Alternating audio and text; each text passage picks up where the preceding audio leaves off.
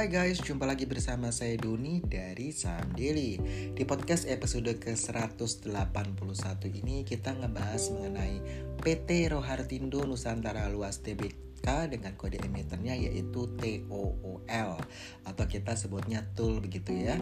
TUL ini sendiri terkenal dengan menjual perkakas dengan merek dagang utama yaitu Nankai Di mana TUL akan menawarkan 410 juta saham setara 20% dari modal ditempatkan dan disetor penuh perusahaan dalam penawaran umum perdana alias IPO dengan harga penawaran di rentang 122 hingga 135 per saham dengan target dana IPO yang akan diraih itu 50 hingga 55,35 miliar. Nah, penggunaan dana IPO ini rencananya sekitar 47,82% akan dipakai untuk pembelian 3 unit ruko dan 2 unit gudang. Sisanya 52,18% dipakai untuk modal kerja untuk menambah barang-barang inventory untuk dijual. Di mana 60% itu untuk penambahan produk perkakas, 20% produk peralatan rumah tangga, 20% penambahan produk tas koper. Nah, tool ini juga menerbitkan 205 juta waran seri 1 atau 12,50% dari total jumlah saham ditempatkan dan disetor penuh pada saat pendaftaran IPO. Jadi, setiap pemegang dua saham baru berhak secara cuma-cuma mendapatkan satu waran seri 1 di waran seri 1 ini mempunyai jangka waktu pelaksanaan selama 2 tahun dengan harga pelaksanaan Rp500 per saham. Total dana dari waran seri 1 adalah sebanyak-banyaknya 102,5 miliar rupiah. Jadi buat teman-teman yang suka main warren, yang beli warren, jual trading warren itu cukup menarik ya saham dari tool ini karena ketika IPO dia menawarkan uh, waran seri 1 yang gratis. Jadi otomatis kalau teman-teman ikut IPO-nya dapat waran seri 1 begitu. Nah, Tool ini merupakan perusahaan perdagangan yang menjual produk-produk alat teknik, perkakas, kebutuhan rumah tangga, dan keselamatan. Jadi Tool menawarkan produk-produk impor dengan merek Nankai, Farem, Covea, American Eagle, Rubistar, SNZO, VVIP, Junior, Airwheel ya. Airwheel ini untuk uh, smart robotic luggage ya yang menyasar permintaan konsumen menengah ke bawah dengan tiga kategori utama yaitu peralatan rumah tangga, perkakas, dan tas koper. Dengan wilayah distribusi mencakup Jakarta, Surabaya, Bandung, Sulawesi, Sumatera, Bali, dan Kalimantan.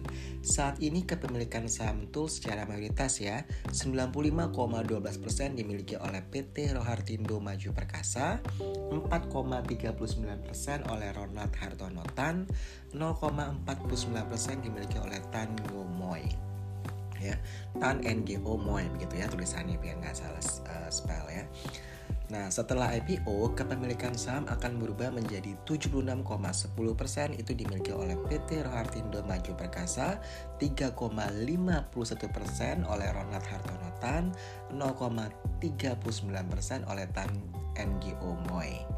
20% itu oleh masyarakat di mana 18,81% itu masyarakat dan 9,09% itu waran seri 1 yang semuanya ya kalau teman-teman beli dapat waran juga gitu ya. Tadi dipisah 20%-nya itu uh, lalu uh, yang jadi pertanyaan teman-teman wah ini saham tuh kira-kira arah berhari-hari nggak ya kok nah itu kan banyak tanyakan teman-teman ya. Nah sebenarnya untuk saham-saham IPO ini kita nggak bisa pastikan ya bahwa oh saham IPO yang ini akan arah oh saham IPO ini akan ARB karena emang ada juga kan yang begitu IPO eh ARB hari pertama begitu. Jadi yang penting di garis bawahi adalah teman-teman harus tahu sebenarnya saham IPO yang kalian beli itu bergerak di bidang apa bisnisnya itu apa bisnis modelnya dia ya.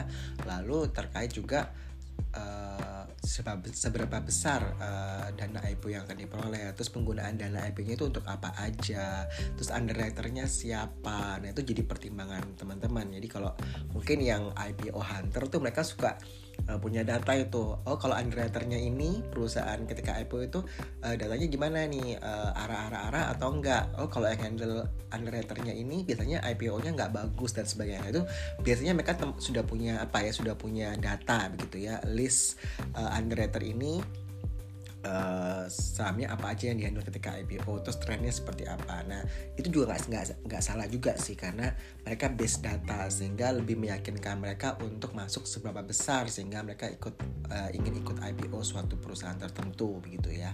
Itu juga bisa jadi patokan sih.